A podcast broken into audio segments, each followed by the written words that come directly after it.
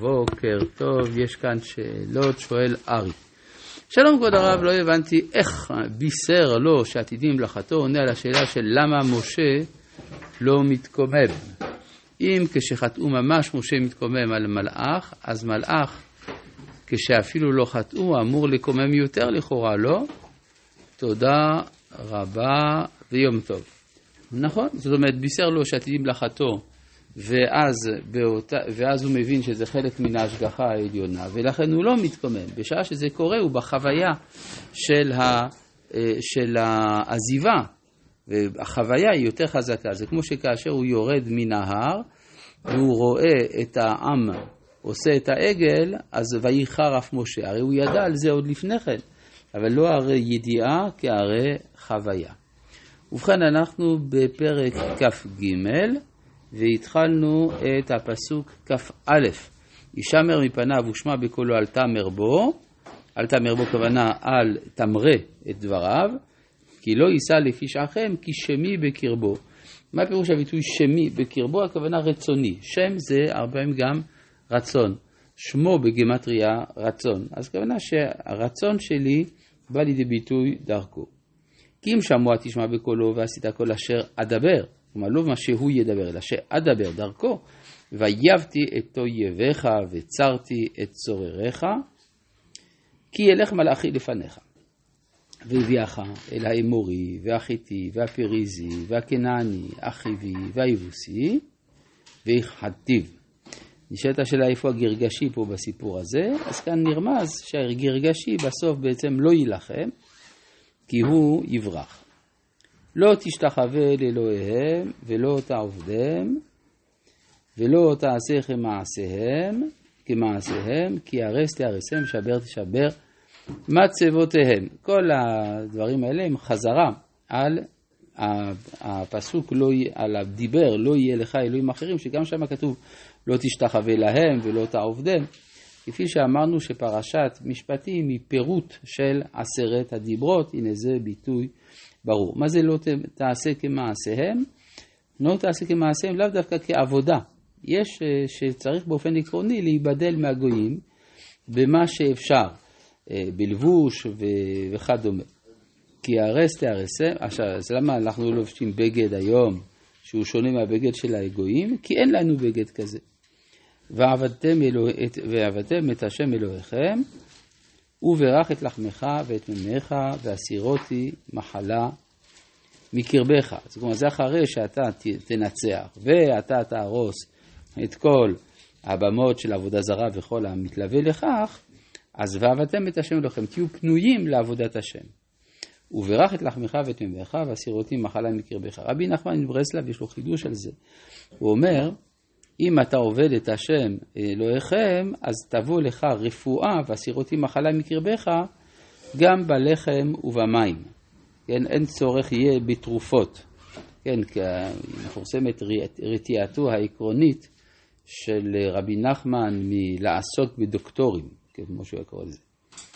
לא תהיה משקלה ועקרה, ועקרה בארצך את מספר ימיך המלא. את מספר ימיך המלא, על זה נכתבו הרבה דברים, האם יש קץ קצוב לחיים. לכאורה כתוב כאן מספר ימיך, משמע שיש לאדם מספר ימים קבוע מראש, כמה הוא צריך לחיות, ואם הוא לא זוכה אז הוא חי פחות, אבל אם הוא זוכה אז הוא חי את מספר הימים.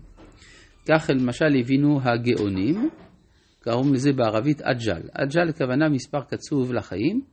הרמב"ם, יש לו תשובה ארוכה בנושא הזה, שבו הוא אומר שזה לא נכון.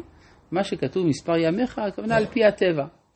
שאם האדם איננו עושה שטויות מבחינת ההתנהגות הבריאותית שלו, אז אפשר פחות או יותר לחשב כמה זמן הוא יחיה. זו הכוונה מספר ימיך מלא. אתה תהיה בריא, ולכן תחיה כמה שהגוף נותן לחיות. את אמתיה שלח... מה? להתחשב בגנטיקה, להתחשב, אבל לא שיש איזה מין גזרה אלוהית שאדם מסוים צריך לחיות כך וכך שנים, כך וכך ימים. זה, הרמב"ם לא מקבל את זה. הוא אומר זה נתון רפואי, זה מה שהוא אומר. אה, בריאותי, גנטי וכדומה. היום אגב אומרים שיש גן של הזקנה. כלומר, זה שאדם מזדקן זה לא רק בגלל שיש אה, חולשה בגוף, אלא יש גן שגורם לתהליכי זקנה. ואם הוא לא היה קיים באדם, היה אפשר לחיות, על פי הנתונים הביולוגיים, עד 1,300 שנה. כן. זה קצת מסביר אולי את הדורות הקדמונים שחיו מאות בשנים, איך זה יכול להיות? יכול להיות שאצלם, מבחינה גנטית, הגן הזה שיש אצלנו עוד לא פותח. כן, יכול להיות. אה, את אימתי אשלח לפניך, והמותי את כל העם אשר תבוא בהם, והמותי משון להמם. ונתתי את כל אויביך אליך עורף. אז מה זה, אגב, אם אנחנו שמים לב לכל מה שכתוב כאן, לא כתוב שאתה תילחם. כתוב שהקדוש ברוך הוא יכחיד את האמורי וכולי, ושהוא יהמם אותם וישלח את אימתו, וגם אחר כך ושלחתי את הצירה לפניך וגירשה את האחים ואת הכנעני ואת החיטים מלפניך. זאת אומרת שבאופן עקרוני יכולה להיות מלחמה ניסית. כן, לפחות בשלב הזה, שעוד לא היה חטא העגל, אז מדברים על אה, רוממות, על רוממות של, ה, של ההתנהגות של ישראל, אז אה, יכול להיות שזאת הכוונה. על כל פנים, גם אם כתוב, גם אם באופן עקרוני ברור שיילחמו, אבל הכתוב לא טורח לומר שיילחמו. וזה בא לומר שבמצב עליון, אז אה, עם ישראל מטיל את אימתו באופן שהוא לא זקוק למלחמה, לפחות לא מלחמה קשה, או של פנים אל פנים. לא אגרשנו מפניך בשנה אחת, פן תהיה הארץ שממה, ורבה עליך חיית השדה.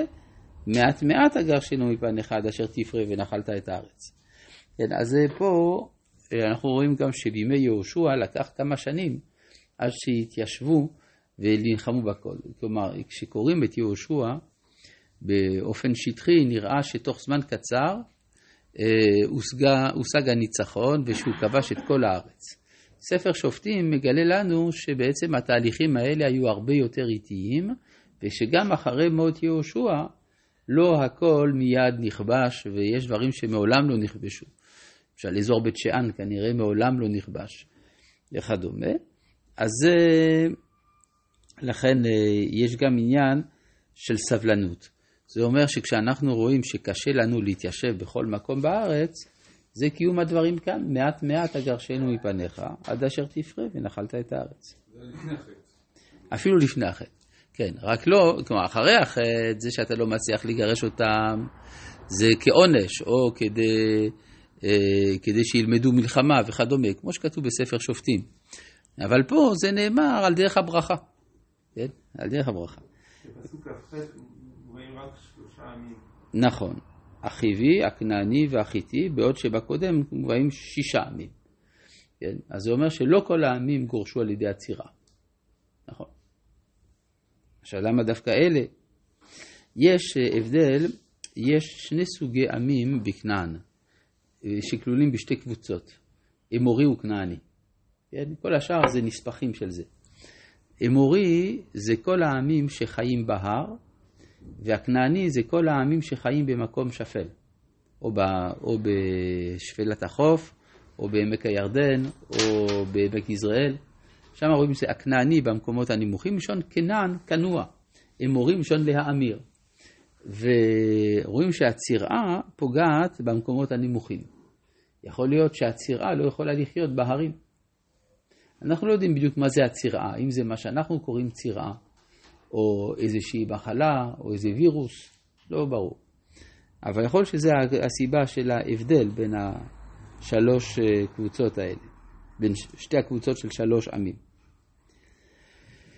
ושתי את גבולך מים סוף ועד ים פלישתים ומדבר עד הנהר, כי אתן בידכם את יושבי הארץ וגירשתם בו מפניך. רבי יהודה הלוי לומד מזה שכל חצי האי סיני שייך ל... ארץ ישראל, שהרי כתוב מים סוף ועד ים פלישתים. זה מחלוקת בין, הפ... בין הפוסקים, אבל דעת רבי יהודה הלוי היא כזאת. מה זה אגב ים פלישתים? ים פלישתים זה ים התיכון. למה נקרא ים פלישתים? כי הפלישתים באו מאזור הים האגאי, כלומר באיי יוון, ולכן, לפני שהם הגיעו לכאן, לכן כל האזור נקרא ים פלישתים, עד האזור שהיום אנחנו קוראים לו פלישתים.